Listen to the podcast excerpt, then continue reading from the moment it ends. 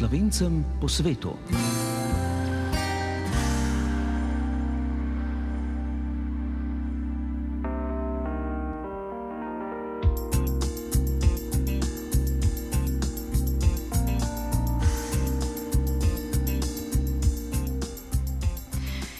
Pozdravljeni v oddaji Slovencem po svetu, v kateri bomo tokrat z besedo potovali na Češko, v Belgijo in Nemčijo. Slišali boste, kako veliko vlogo je imel znameniti arhitekt Jože Plečnik v češki prestolnici Pragi, ter kako je bil povezan s prvim predsednikom Češko-Slovaške Masarikom. V Pragi se prav zdaj v okviru praznovanja 150. obletnice Plečnikovega rojstva začenja koncert tudi s predstavitvijo njegovih del. Na Praškem gradu pa so pod pokroviteljstvom aktualnega aktualnega češkega predsednika Miloša Zemana odprli razstavo o Jožetu Plečniku. Pogovarjali smo se tudi z Rozino Lovrenčič, ki že več kot pol stoletja živi v Nemčiji, kjer skrbi za ohranjanje slovenske kulturne dediščine, za kar je nedavno prejela priznanje Urada za slovence v zamestvu in po svetu. Ker je jutri 2. aprila svetovni dan mladinske književnosti, pa pozornost namenjamo tudi pravljicam za otroke. V bližini Bruslja pod vodstvom Tine Čeh deluje kulturni kreativni kotiček, v njegovih prostorih pa bralni kotiček, kjer si je mogoče izposoditi slovenske knjige, tudi otroške. Za slovensko govoreče otroke pa enkrat na mesec pripravijo uro pravljic. Minulo nedeljo so pripravili uro pravljic na temo Ugank po knjigi Sto Ugank Anje Štefan. K poslušanju vas vabim Živa Trček, za glasbo je poskrbel Jane Weber.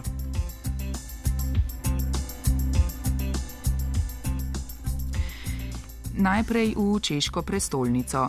Slovenci v Pragi so za nocoj v okviru praznovanja 150. obletnice rojstva arhitekta Jožeta Plečnika, ki je tudi v Pragi, kot vemo, pustil velik pečat, pripravili koncertno prireditev.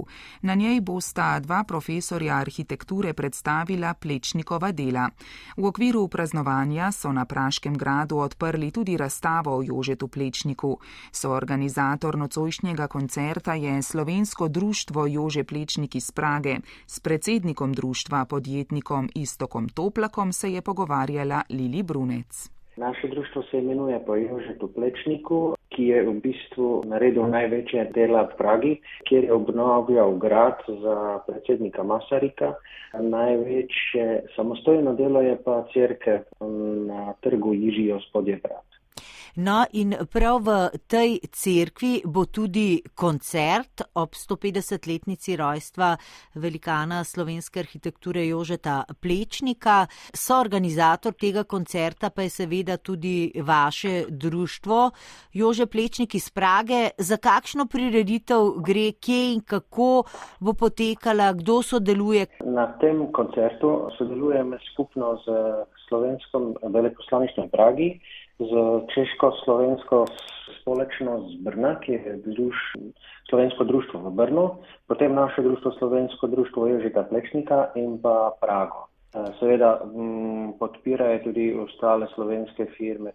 Koncert bo danes zvečer, bojo tam dva pevska zbora, eden iz Slovenije, drugi iz Prage. Med zborama pa bodo dva eh, znana profesora arhitekta predstavila Plečnikova dela. Pričakujemo, da bo crkva polna. No, ni to koncertno mesto, je to samo za maše organizirano, kar pomeni, imamo približno za 300 oseb mesto v tej crkvi. Sicer pa koncert se potem jutri v soboto obeta tudi v Brnu, kaj ne? Ista slovenska skupina nastopa potem z organizacijo Češko-slovenske společnosti v Brnu. Tako da mogoče omenim, kateri koncert je to je to uh, moški pevski zbor po Bratinije iz Nove Gorice in pa Degliški komorni zbor uh, Abelimento iz Prage. No, menili ste, da na tej prireditvi bodo predstavili tudi dela in dejavnost arhitekta Jožeta Plečnika. Sicer je pa arhitekt Jože Plečnik veliko ustvarjal v Pragi, nekaj let je bil tudi profesor na Praški umetniški obrtni šoli in v češki prestolnici je zelo poznan. In tudi mesto Praga se pridružuje obeleževanju 150-letnice arhitekta Jožeta Plečnika, prav zdaj tudi z razstavo na Praškem gradu kaj ne?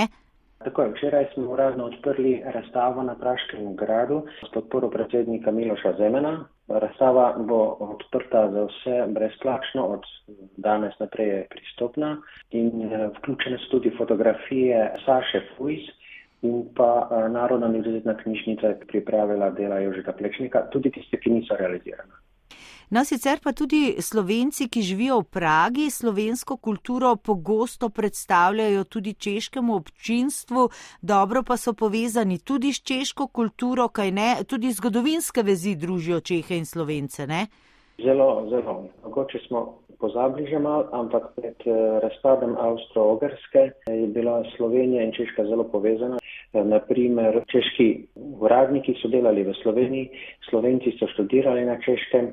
Eh, še zelo pomembno je bilo zato, ker smo bili oba dva sloven, slovanska naroda in smo v bistvu skupaj bojevali proti Habsburški monarhiji. No, pa tudi uh, arhitekt Plečnik je zelo dobro sodeloval s predsednikom Masarikom, ne? On v bistvu je prišel v Prago še pred eh, ustanovitvijo no-, nove Češko-Slovaške republike in je bil, kot ste omenili, profesor na obrtni šoli. Potem je pa eden najboljših eh, arhitektov čeških takrat predlagal Masariku, da bi lahko on pomagal spremeniti grad, ki je bil dotedaj monarhistični in predsednik Masarik mu je dal nalogo, da z monarhističnega gradu naredi demokratični grad in v bistvu je plečnik naredil. Takšen grad, ki ga danes vidimo, ni, ni spremenil sam grad, spremenil je pristopnost grada in danes lahko se prosto sprehajamo po gradu. In uh, to je tudi protokolarni objekt, ne? Praški grad. Je tako, na Praškem gradu ima sedež predsednik eh, republike in so tam tudi določene ustanove eh, na gradu, drugače pa se običajno organizirajo razstave, kakšne konference, srečanja, največ diplomatične predstavništva. Če se predstavimo samo površina grada, je eh, mogoče celi Ljubljanski center tako da je zelo velik objekt to. Sicer pa na Češkem živi tudi veliko slovencev, največ jih je v Pragi. Koliko slovencev pa po vaših ocenah zdaj v današnjem času biva in deluje v Pragi? Čistočne podatke nimamo. Statistični podatki na Ministrstvu za notranje zadeve je prijavljeno že preko 450 slovencev v Češki republiki. Večina teh je seveda v Pragi ali v bližnji okolici. Če pa pogledamo naprimer na skupine na Facebooku, tam se najbolj vidi ta aktivnost, da je v zadnjih štirih letih prišlo zelo veliko mladih ljudi tukaj samo za službo, kar pomeni, da najpogostejša komunikacija na Facebooku je, kdaj kdo gre domov in če ima kdo mesto v avtomobilu. No, menili ste, da prihajajo zaradi službe Slovenci v Prago, na katerih področjih pa delujejo, kje se zaposlujejo največ, s čim se ukvarjajo slovenski priseljenci v Pragi? To je sicer samo moje mnenje, ampak večino meni na IT, farmacija, marketing ker eh, na Češkem ima sedež zelo veliko mednarodnih firm, ki delujejo tudi v Sloveniji in potrebujejo tudi ljudi, ki znajo slovensko, ampak ni nujno niti poznati niti češko, niti slovensko, da bi dobili ljudje službo v Pragi. No, pravite, da je kar veliko slovenskih ekonomskih priseljencev v zadnjem času v Pragi. Vi v Pragi živite in delate že več kot tri desetletja, delujete na področju poslovanja z nepremičninami. Kakšne so razmere na vašem delovnem področju? zdaj, po obdobju pandemije? Je pandemija postila kakšne posledice? Pandemija je povzročila še večji skok cen v nepremičninah. Za trenutek, na primer, je pandemija povzročila v velikih mestih, kot je Praga in mogoče Brno in Plzen, znižanje najema. Vse to je bilo povezano z stanovanji, ki so bili namenjeni za turiste in je bil v tistem trenutku primankljaj turistov in so ta stanovanja se ponudila na trg. In drugi vzrok je bil, da ljudje niso želeli, ker smo bili vsi zaprti, tako kot v Sloveniji, podobno, želeli iz mesta na podeželje, so se vsi preseljevali oziroma popraševanje je bilo večje na podeželju kot v Pragi. Ampak, če generalno pogledam, cene najemnin so rasle razen v, v Pragi, posod okrog po Češki, Po pandemiji oziroma še za čas lanskega leta je pa tudi v Pragi začela rasti, začele rasti najmine in so v tem trenutku že narasle 15% glede na prejšnje cene oziroma smo danes na cenah z leta 2015, da govorimo o najminah. Kar se tiče pa cen, če želi kdo kupiti, so pa cenovi skok, rečemo, letni je v zadnjem letu 25%, v prejšnjih treh letih je bil pa cenovi skok 12 do 15%. Kar pomeni, da naraščajo cene za približno pet let, cena se je povečala dvakrat. No, zdaj se razmere po pandemiji nekako normalizirajo, pravite, eh, v turizmu je pustila večje posledice. Kaj pa vpliv dogajanja v Ukrajini se kaj odraža na ekonomskem področju na Češkem? Eh, vpliv Ukrajine, eh, seveda, to bo vpliv v bodočnosti. V tem trenutku imamo tu 245 eh, tisoč registriranih ubežnikov, kar pomeni, da je nas za vse potreba poskrbeti prebivanje. To pomeni dodatni pritisk na cene nepremičnin. Drugo je potem pritisk na cene živil, zato ker eh, se že naprej predvideva, da bojo eh, popraševanje oziroma pomankljaj žitaric in podobnih stvari. Potem je pa tudi pritisk energije, tako kot po celi Evropi, to smo v istem košu, oziroma inflacija v tem trenutku v Češki republiki je 11%. Eh, to pomeni, če po primerjavu delam januar, februar eh, lansko leto, smo se sedaj januar 9%, februar 11% na višji ravni se je povišala inflacija, sicer pa omenili ste, da je tudi v Prago prišlo kar nekaj beguncev iz Ukrajine. Kako se je to dotaknilo dogajanja v Pragi, priliv beguncev, kakšne so razmere? Priliv beguncev sicer vpliva na vse, ampak neverjetno efektivno je država pripravila sprejem beguncev, kar pomeni, da so odprla velika centra v kongresnem centru in so dnevno lahko več tisoč, celo deset tisoč ljudi registrirali in sprejeli. Drugo je, ker je v Češki bilo že predtem približno 150 tisoč Ukrajincov, je bilo to laže, ker večinoma so se na začetku naselili pri znanih oziroma so jim pomagali. Potem se je zelo pozitivno pristopili ljudje, so izbrali velika sredstva z privatnega sektorja, na drugi strani pa država pomagala. To pomeni, da smo večjih problemov ni, Seveda problemi zdaj bojo naslednji, eh, kako priskrbeti jim službo, jezik, prebivanje. Dost teh ubežnikov še živi v večjih telovatnicah, šolah ali v internatih. Gospod eh, Istok Toplak, zdaj se je prebudila pomlad tudi pri vas v Pragi. Pred vašim društvom Jože Plečnik so kar veliki načrti zdaj v prihodnih mesecih. Kakšne dejavnosti načrtujete zdaj v prihodnih mesecih v okviru društva? Večjo prireditev kulturno bomo imeli zopet v sodelovanju z veleposlaništvom Slovenske republike. To bo 23. junija, kjer bomo praznovali Dan republike. In seveda letos praznujemo 30 let diplomatskega sodelovanja Češke in Slovenije pa 150 let plečnika in obenem bomo povabili skupino Pomladni dan iz Tolmina, ki bo na vrtu ambasade zapela slovenske pesmi.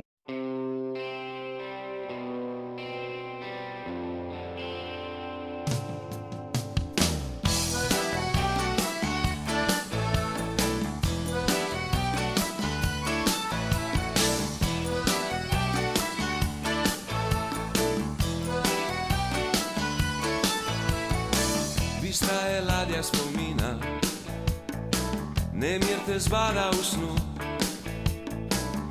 hudobna ptica, ki skriva, odkje prihaja tvoj rod.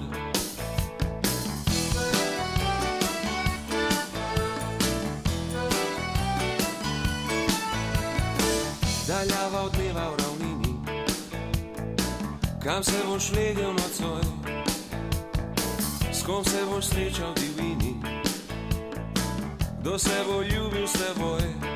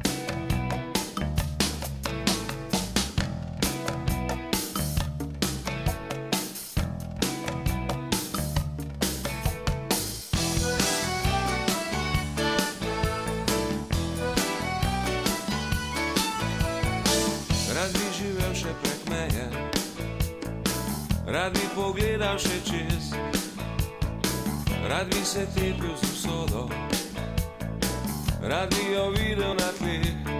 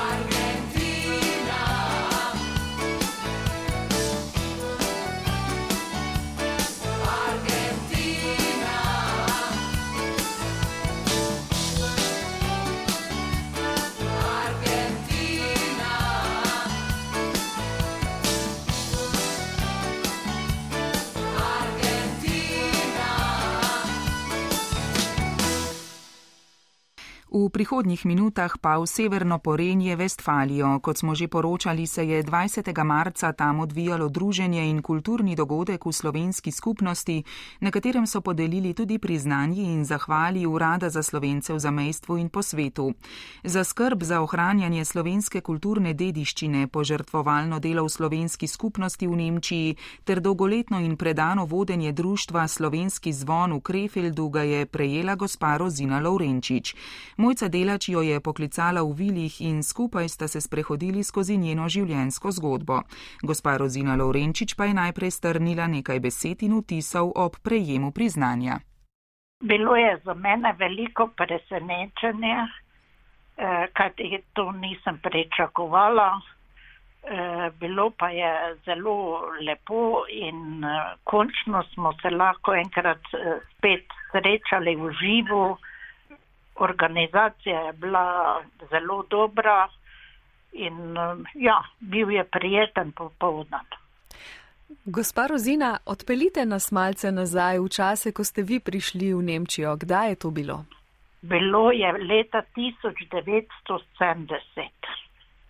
Ravno sem eh, pol leta prej eh, končala srednjo kmetijsko šolo in ker je takrat veliko slovencev z teh krajev, ki je prihajam, šlo v Nemčijo, sem tudi jaz htela vedeti, kaj je Nemčija, kako je v Nemčiji, kako izgleda in tako sem se podala na pot. In kam ste šli? Eh, Moje prvo mesto je bil Wuppertal, kje pa dolgo nisem bila, pozneje eh, po Wuppertalu par mesecev sem potem se preselila v Bavarsko in sem tam živela 13 let v mestu Münchenu. Leta 1983 sem se eh, preselila, sem spoznala moža in eh, sem si ustanovila družino in poročila in eh, v tem mestu Vilih, kje še zdaj živimo, imamo svoj dom in eh, ja, rodila otroke, imam sina in ščerko in ja, se vključila v leta 1990 sem se vključila v društvo Slovenski zvon v Krefeldu in uh, ja, to so bile prva leta, kjer smo začeli se boriti za Slovenijo in uh, smo delali različne demonstracije in tu sem z, otroko, z otroki in družino zraven maširala. 1990. leta so prišli moji otroki v šolo, slovensko dopolnilno šolo in tu sem spoznala tudi veliko prijateljev, otroci so spre, eh, spoznali prijatelje in, in tako smo potem eh, se bolj aktivno vključili v to malo Slovenijo, življenje v, v, v Vestfaliji. Pravzaprav aktivnosti v Severnem Porenju v Vestfaliji se predstavljam v slovenski skupnosti so bile pred leti res raznolike in zelo pestre, ne? Ste bili zelo aktivni na različnih področjih.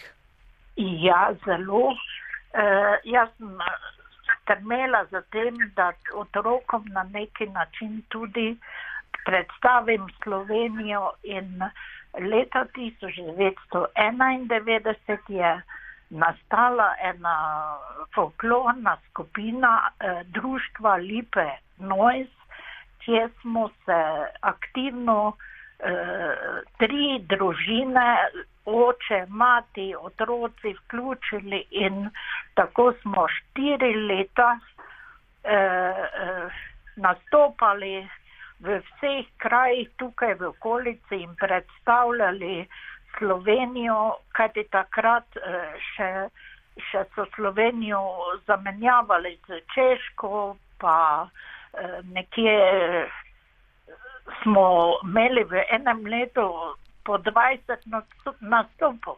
Tako da me je že razrednik sina, ki je bil takrat star 8 let, vprašal, kaj ste delali z otrokom spet čez, čez vikend.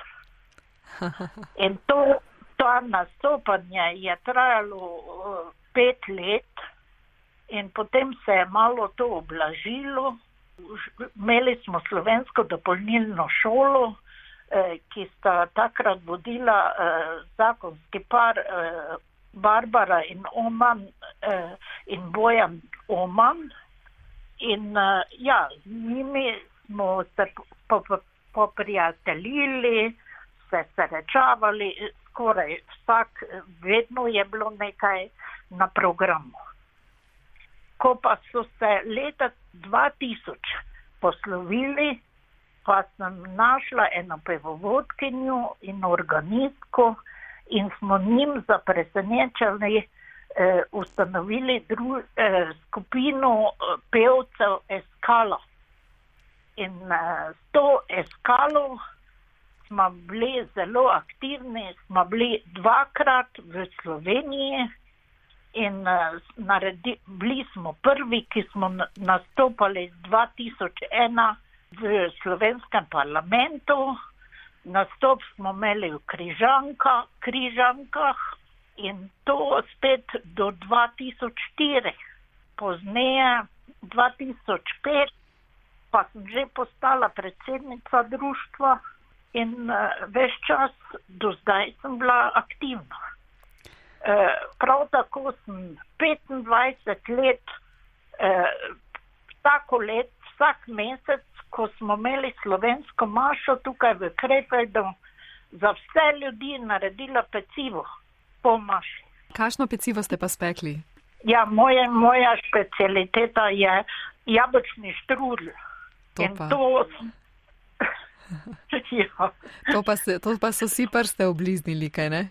Ja, zdaj praktično po, po 32 letih sem na to prireditev, ki smo ga imeli zdaj, prvič šla z praznim avtomobilom.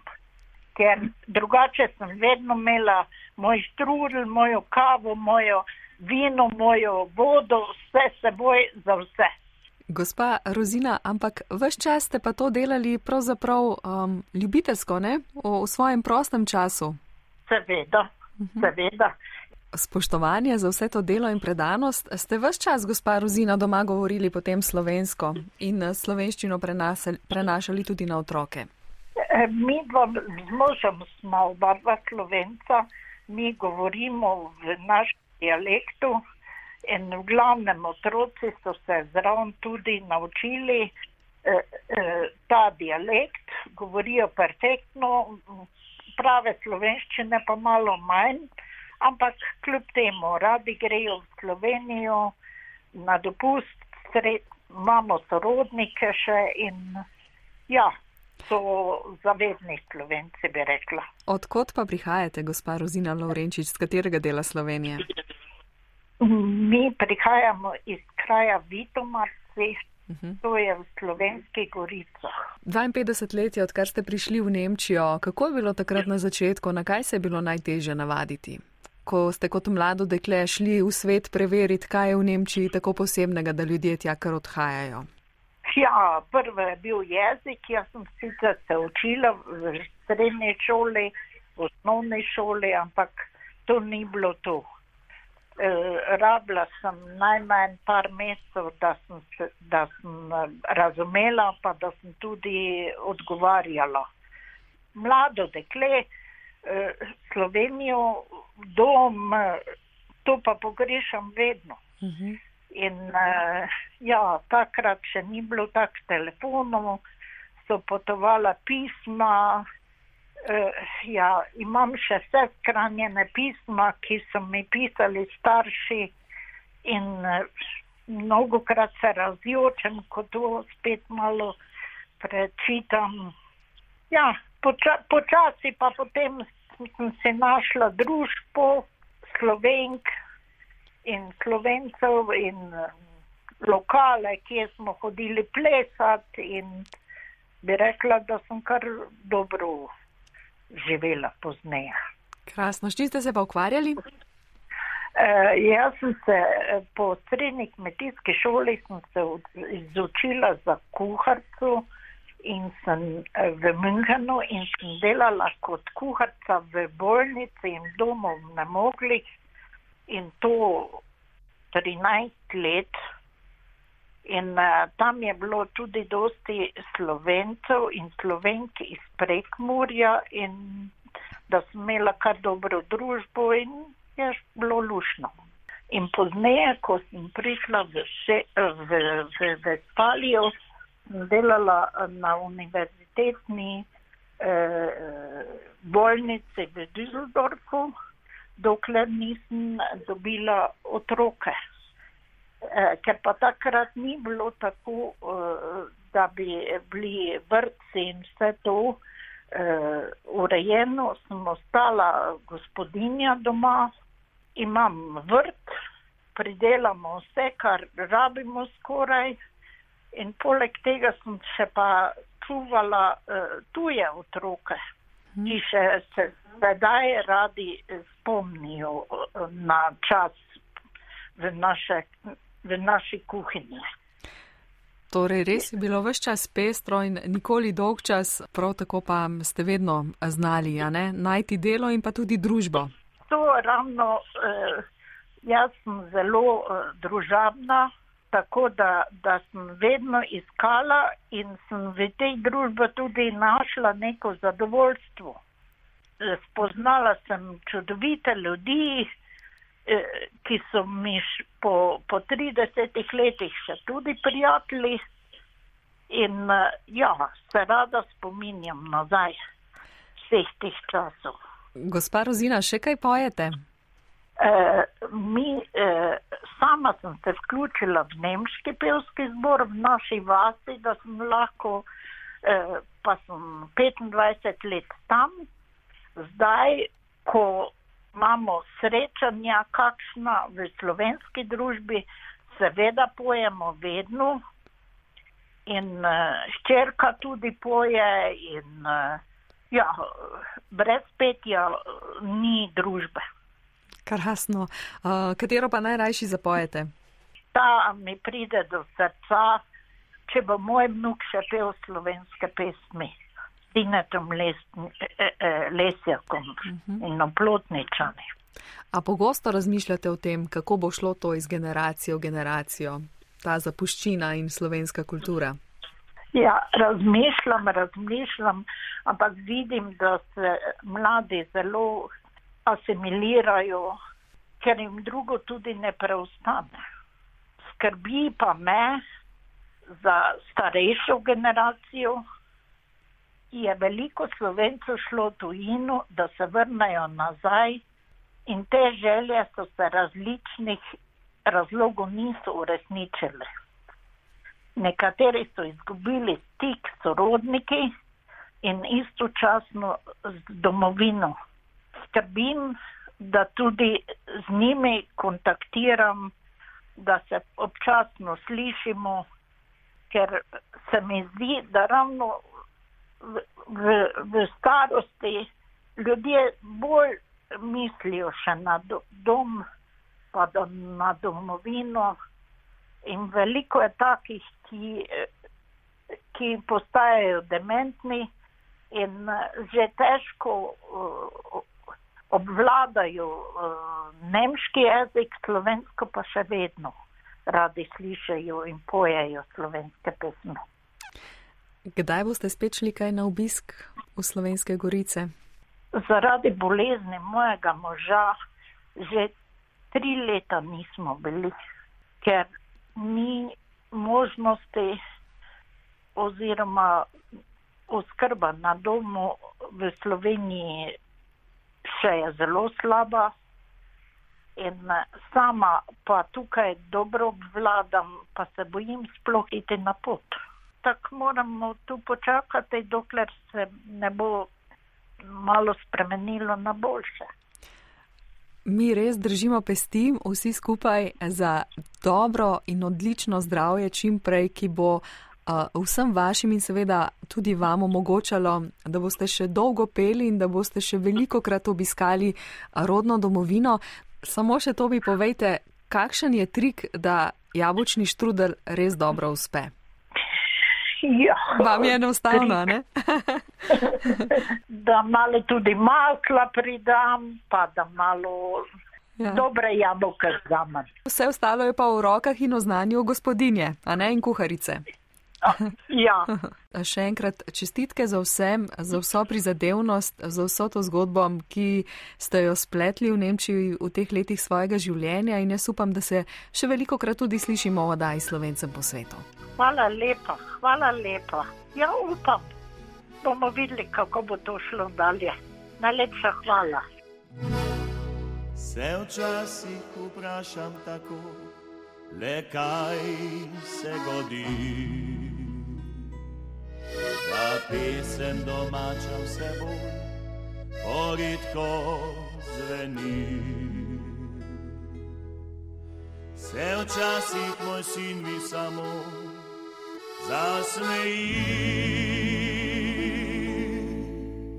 Za te domače, za te leata si se včasih zazdi mi, kakor da mnoge je sram. Teh pesmi domačih, ki jaz jih res rad imam. Zato rad bi enkrat povedal, sem skupaj na glas.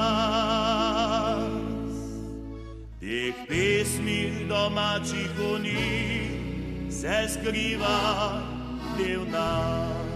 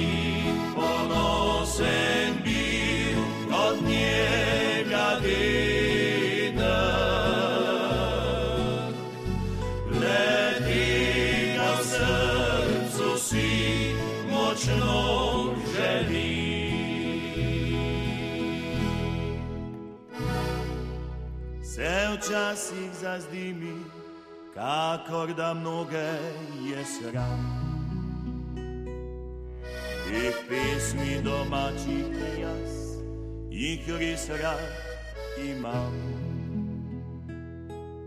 Zato rad bi enkrat povedal, sem skupaj na glas. Teh pesmi domačih v njih se skriva del nas.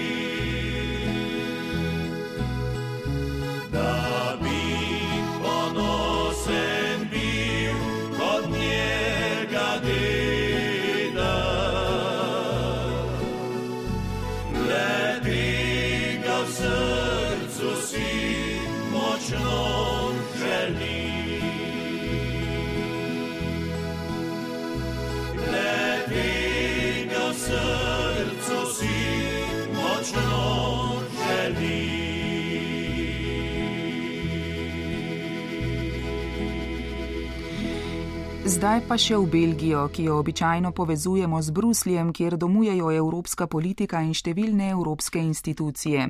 Mi pa bomo tokrat govorili o umetnostnem in kulturnem povezovanju pod taktirko slovenske violinistke.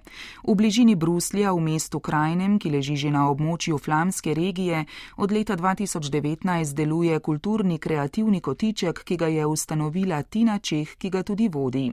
Namen kulturnega kreativnega kotička je spodbujanje druženja ljubiteljev umetnosti in kulture, tako tistih, ki se s tem ukvarjajo profesionalno, kot ljubiteljskih, od otrok do starejših. Raznolikost obiskovalcev se odraža v številnih jezikih, ki jih v kotičku govorijo, ter dejavnostih, ki jih pripravljajo. V njihovih prostorih med drugim po principu knjižnice deluje bralni kotiček, kjer si je mogoče izposoditi slovenske knjige. Imajo jih več kot 1500, na ta način pa tudi promovirajo slovensko kulturo in avtorje. Enkrat na mesec pripravljajo tudi ure pravljic za slovensko govoreče otroke, ki ob branju ustvarjajo in plešejo. Kako je dobila navdih za ustanovitev kulturnega kreativnega kotička, kdo vsega obiskuje in kaj pripravljajo, o tem sem se pogovarjala z ustanoviteljico in vodjo Tino Čeh. Ja, najprej en lep pozdrav in hvala za povabilo. Um, s čim se ukvarjamo? Uh, z marsičem. Uh, največ z glasbo. Um, v sklopu te organizacije imamo glasbeno šolo, kamor zahajajo tako mladi in uh, malo tudi starejši glasbeniki. Um, potem organiziramo koncerte, uh, razstave, likovne delavnice, tečaje in v sklopu te organizacije deluje tudi bralni kotiček. No, o bralnem kotičku nekoliko kasneje. Povedali ste že, kdo vse sodeluje v vašem kotičku.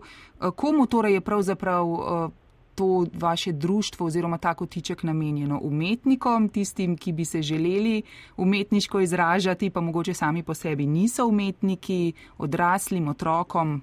V bistvu je ta prostor tukaj namenjen prav vsem ljubiteljem umetnosti, ne glede na to, na kakšni stopni se ukvarjajo z njo. Um, pomembno je le, da jih zanima, tako sem zahajajo profesionalni glasbeniki, uh, mojstri svojih inštrumentov, uh, ki so diplomirali na različnih konzervatorijih po svetu, v bistvu, uh, kot tudi amaterji, ki se želijo od teh profesionalcev učiti. Recimo. No, omenjate predvsem glasbo, ker ste glasbenica, ampak ponujate pa tudi v vašem prostoru recimo tečaje risanja, slikanja. Tako je tudi to ponujamo. Imamo odlične slikarje, arhitekta, ki uči uh, slikanje vsako nedeljo. Nedelje so taki dnevi za slikanje, se mi zdi prav paše, uh, taka mirna aktivnost. Prirejamo tudi razstave, trenutno imamo na ogledu uh, razstavo iz Maribora, uh, galerije Atelem čudesa Slovenije se imenuje in pa potem tudi teh naših umetnikov lokalnih tukaj. Kaj pa še za prihodnje načrtujete? Do konca leta imamo kar nekaj dejavnosti, še taka prva, ki pride sedaj razstava pirhov Slavice Trdič iz Bele krajine, e, to se bo zgodilo že to nedeljo. Imamo načrtovane še tri koncerte naših učencev, eh, potem pa mi imamo že načrtovano tudi za naprej, ne samo za konec tega šolskega leta, bomo dobili na obisk eh, jeseni Deni Kragel, ki bo predavala na temo pravlična vzgoja. Ona je napisala terapevtske pravljice, ki so na Amazonu bestsellers. Potem tudi bomo povabili Anjo Mugrli, ki je bila dobitnica nagrade Evropske unije za književnost. Ona bo izvajala tečaj kreativnega pisanja. No, kot že rečeno, vi ste glasbenica, violinistka. Eh, glasba, kot vemo, ne pozna kulturnih, jezikovnih, verskih in drugih omejitev, ampak pravzaprav note, toni, melodija ljudi združujejo. Je bila ta vsebina glasbe pravzaprav navdih za ustanovitev kotička? Jaz mislim, da v bistvu res. Zaradi tega, ker odmeraj sem si želela ustanoviti tak prostor, um, mehurček, kjer bi se združevali vse umetnosti, več kultur, jezikov hkrati in zelo vesela sem, da nam to tukaj v bistvu uspeva, ker zahajajo k nam ljudje z vseh vetrov, pogovarjamo se v francoščini, angliščini, slovenščini, imamo tudi uh, japonske učitelje učitelje iz Japonske in tako, da ja, nam uspeva in to v bistvu res morda izhaja iz glasbe. Kdo od slovencev pa zahaja k vam? Tisti, ki živijo tukaj v okolici, v Bruslju, v bistvu so to ljudje, ki so na inštitucijah ali pa tudi ne. Skratka, vsi, ko jih zanima kultura. Povezujemo se tudi ne samo tukaj z belgijskimi društvi, tudi z, z Parizem, recimo Društvo slovencev v Parizu in tako naprej. No, prej smo že omenili, da pri vas deluje tudi bralni kotiček. Pravzaprav gre za prvo knjižnico slovenskih avtorjev in prevodov v slovenščini v Belgiji, namenjen je pa tudi promociji slovenske kulture in avtorjev. Nam lahko kaj več o tem bralnem kotičku poveste? Najprej vas moram samo malo popraviti, zaradi tega, ker obstajajo druge manjše knjižnice, ampak so namenjene recimo samo v Evropski šoli za učence. Naša knjižnica pa je v bistvu prva, ki je dostopna prav vsem. Torej vsak, ko se sprehodi po ulici, lahko vstopi noter, brez da se napove, si ogleda knjige, si sposodi, a, ni nekih a, e, komplikacij glede tega. Um, ja, želimo promovirati slovenske avtorje, seveda, in predvsem organizirati aktivnosti za te otroke tukaj, ko, so, ko, ko, so odra, ko odraščajo v Belgiji, v večjezičnih družinah in jim to zelo ogromno pomeni, da ima en tak kotiček, kamor lahko zaidejo in poznajo slovensko govoreče prijateljske. Uh, sedaj tudi planiramo nekaj za mladince naše, da bi organizirali taki mladinski bralni krožek in potem seveda ne pozabimo na odrasle tudi. Za enkrat si je sposoja samo tukaj, torej pridejo sem, si sposodijo. V prihodnosti pa si dejansko res želimo vključiti tudi to, da bi lahko poslali knjige po pošti tistim, ki ne živijo v Bruslju, ki so mogoče na obali ali pa malo bolj na jugu, da bi jim olajšali sposojo knjig. A koliko knjig pa imate trenutno? Mislim, da smo tam pri enih tisoč mal nehali šteti, ampak o, sigurno najmanj okrog 1500. Kako pa ustvarjate svojo knjižnico oziroma kje dobite knjige? So to podarjene knjige, ki vam jih podarjajo avtorji, založbe, jih kupite? Bistvu ste vse umenili. No, ogromno ljudi, ker podari knjige. Sedaj smo začeli malo selekcijo delati, da res kvalitetne, lepe knjige izberemo. avtori kar sami od sebe pošljajo večkrat, potem mi z veseljem naredimo predstavitev teh knjig, ki nam jih avtori pošljajo, tudi eh, beletrina, mladinska knjiga so nam poslali knjige. Um, sami tudi kaj kupimo, če nam je všeč, oziroma če, bi, če mislimo, da bi našim bralcem bilo všeč. Um, pa tudi z mladinsko knjigo imamo dogovor, da nam pošiljajo njihove revije, da naročniki jih tukaj prevzamejo po slovenskih cenah. V, bistvu. v Bralnem kotičku, kot ste že omenili, delujejo tudi ure pravljic za otroke, so ure pravljic za slovensko govoreče otroke. Uh, kdo pa vodi te ure? Enkrat na mesec imamo te pravljice ki jih načrtujemo skupaj z štirimi prostovoljkami in potem se izmenjujemo enkrat ena, drugič druga, ponavadi dve skupaj izvedemo te pravljice. Zelo se zabavamo, ko snujemo ideje, na kak način predstaviti pravljico, ker jih nočemo samo prebrati in je to to, ampak zmeraj vključimo neko aktivnost, ali je to ples, ali je neke vrste teater, ali glasba, izdelovanje, česar koli, tako da imajo nekaj še uprijemljivega zraven pravljice, da si jo potem lažje zapomnijo.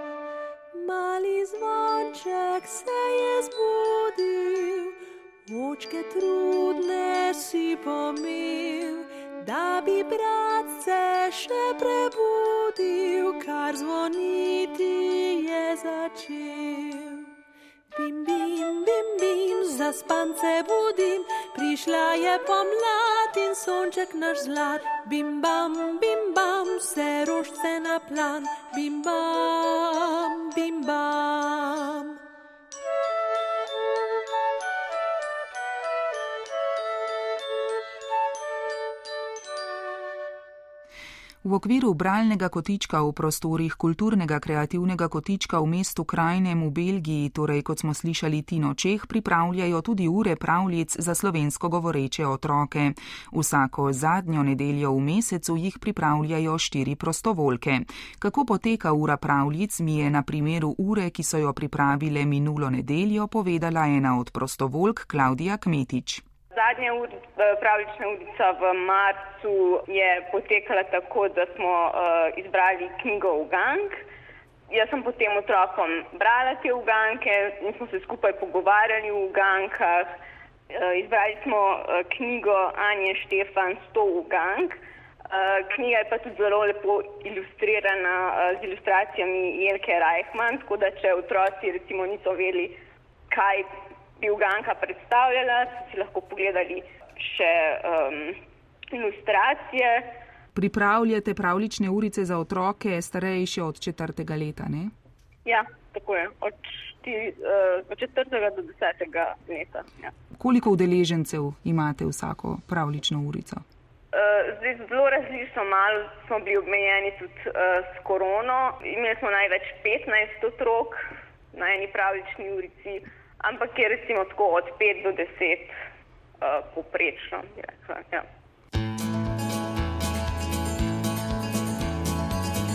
Ko zapoje zvonček buri, prebudi se maček muri. Staco si oči pomane, vzdigne rep in hitro vstane, hitro vstane. Ne, ne, ne.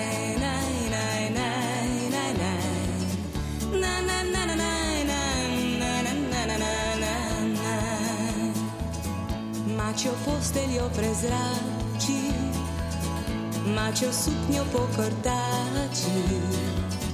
In na zajtrk se odpravi, kot smo pri veseli kravi, veseli kravi. Na, na, na.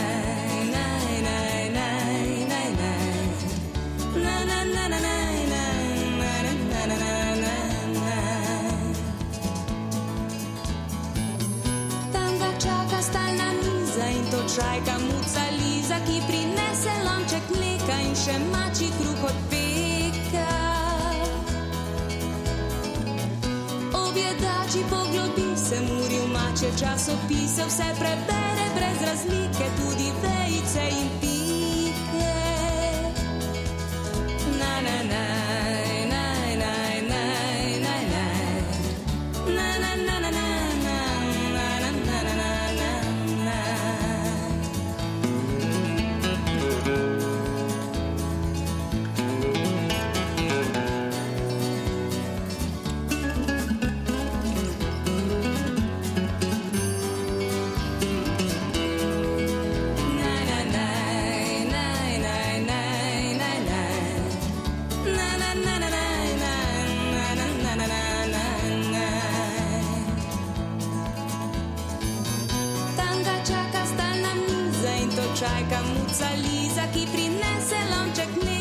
zawsze Maciek, no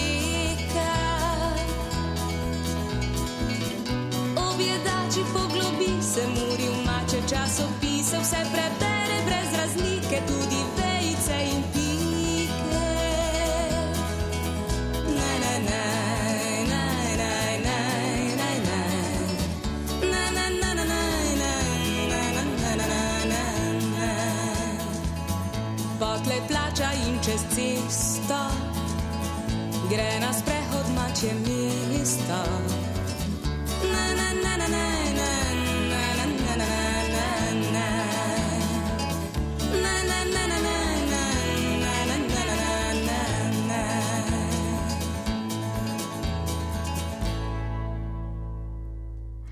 Zvonček bo kmalo zapel, da je ura 22, kar pomeni, da je naša oddaja pri koncu.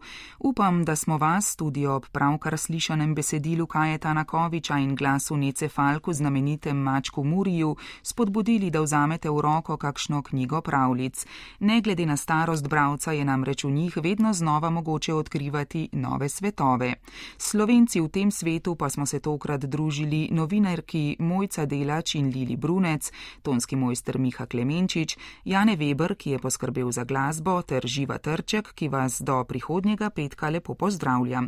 In saj veste, znova nas lahko poslušate na spletni strani prvi.rtvslo.si, oddaja pa je tudi med podcasti.